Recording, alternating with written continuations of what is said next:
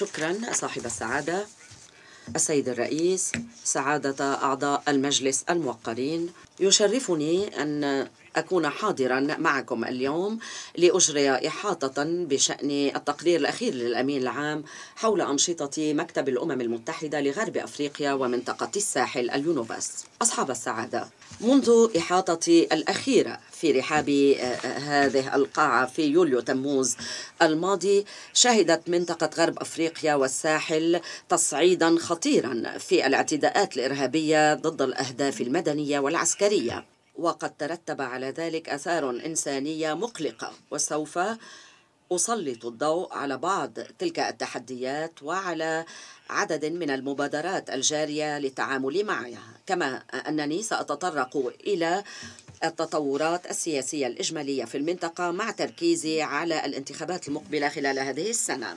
هزت أعمال عنف غير مسبوقة في الأشهر الأخيرة غرب أفريقيا ومنطقة الساحل. وكما شددت خلال إحاطتي إلى مجلس الأمن في السادس عشر من ديسمبر كانون الأول 2019 قودت الاعتداءات الكثيرة ضد الأهداف المدنية والعسكرية ثقة الرأي العام في بوركينا فاسو ومالي والنيجر.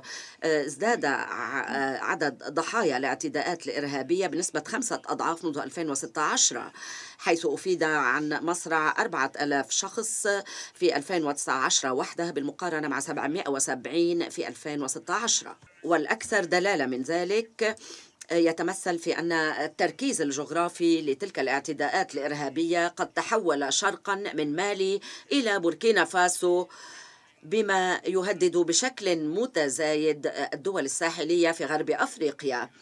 وبلغ عدد الأشخاص الذين قتلوا في بوركينا فاسو ما يزيد على ال 1800 في 2019 بالمقارنة مع 80 في 2016 كما أن عدد المشردين أو الذين اضطروا إلى التهجير قد ازداد بنسبة عشرة أضعاف بالغا نحو نصف المليون بالإضافة إلى 25 ألفا لاذوا بالفرار إلى بلدان أخرى. والإعتداءات الإرهابية غالبا آه، ما آه، تمثل جهودا متعمده من المتطرفين العنيفين لضبط الأسلحة والتحكم بطرقات الاتجار غير المشروع والاطلاع بأنشطة غير مشروعة. بما في ذلك أعمال التنجيم الحرفية غير الشرعية في بعض المناطق وذلك لضمان استمرارية شبكات ذاتها والإرهاب والجريمة المنظمة والعنف بين المجتمعات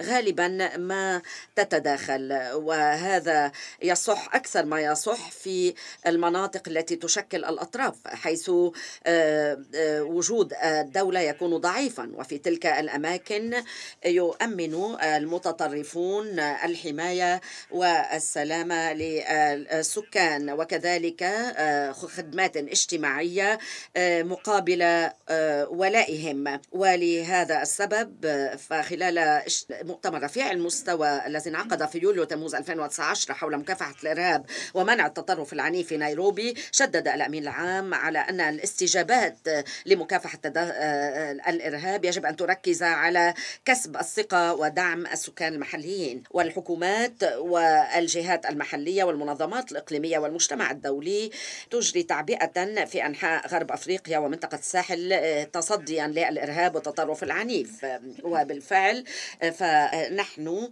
نشهد آه، العديد من الأطر المتينة والقرارات والإعلانات على المستوى الاستراتيجي. وفي الأو 21 ديسمبر كانون الأول وخلال قمة رؤساء الدول والحكومات اعتمدت الإيكواس خطة عمل لفترة 2020-2024 لاجتثاث الإرهاب في دون الإقليم بعد القمة غير العادية التي آه، عقدتها الإيكواس في واغادوغو في سبتمبر أيلول والتي تعهدت فيها بتعبئة مليار دولار داخليا والاتحاد الأفريقي ولجنة حوض بحيرة أتشاد من خلال استراتيجية تحقيق الاستقرار الإقليمي لمنطقة حوض تشاد حوض بحيرة أتشاد آه، تشكل نهجا إقليميا يرسي المعايير للإنذار المبكر والالتزام بأشكاله كافة للتعاطي مع النزاعات المحلية.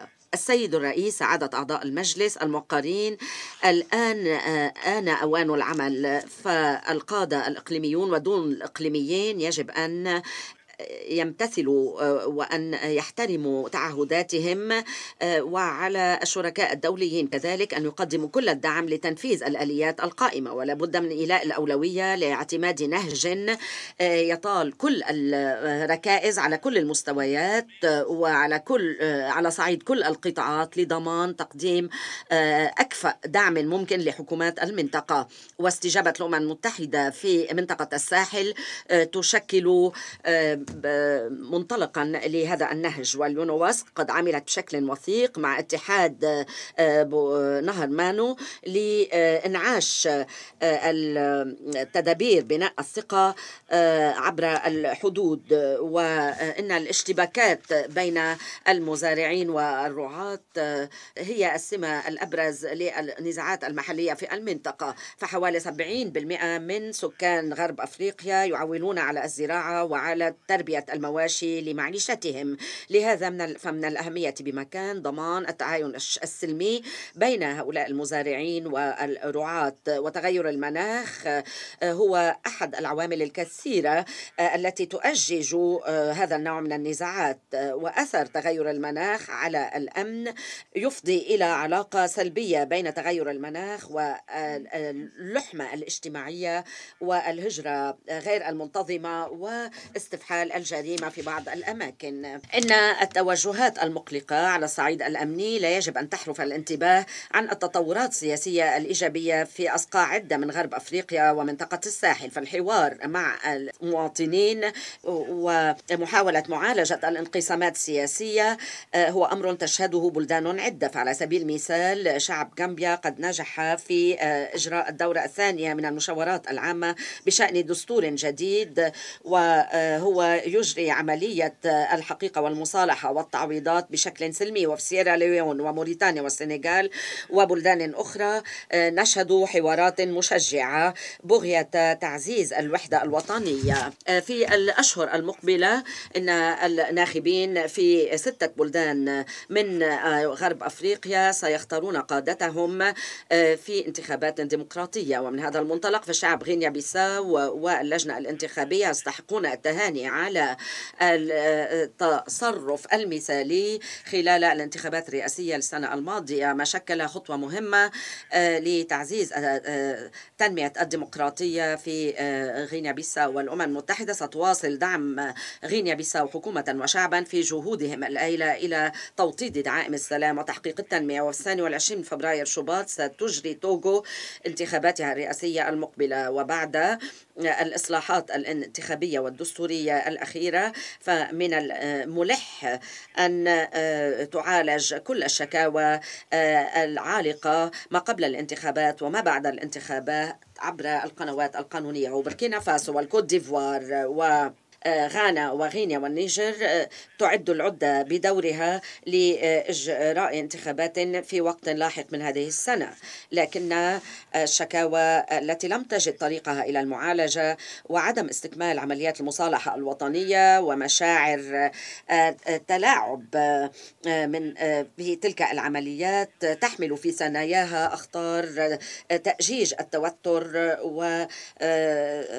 وبروز العنف السياسي. واستئناف الحوار في غينيا بدفع من الأمم المتحدة وشركائها قد حقق نتائج مبكرة بما في ذلك عبر إطلاق السجناء السياسيين والأمم المتحدة تكرر نداءاتها لكل أصحاب المصلحة الوطنيين للتعالي على خلافاتهم من منطلق بناء روح التوافق لضمان إجراء انتخابات تشريعية سلمية آه، مقرر إجراءها في فبراير شباط 2020 وفي الأشهر المقبلة ستواصل اليونواس العمل الوثيق مع كل أصحاب المصلحة الوطنيين وشركاء الإقليميين لضمان توافق الآراء وإشراك الجميع في الانتخابات في المنطقة وفي هذا الإطار.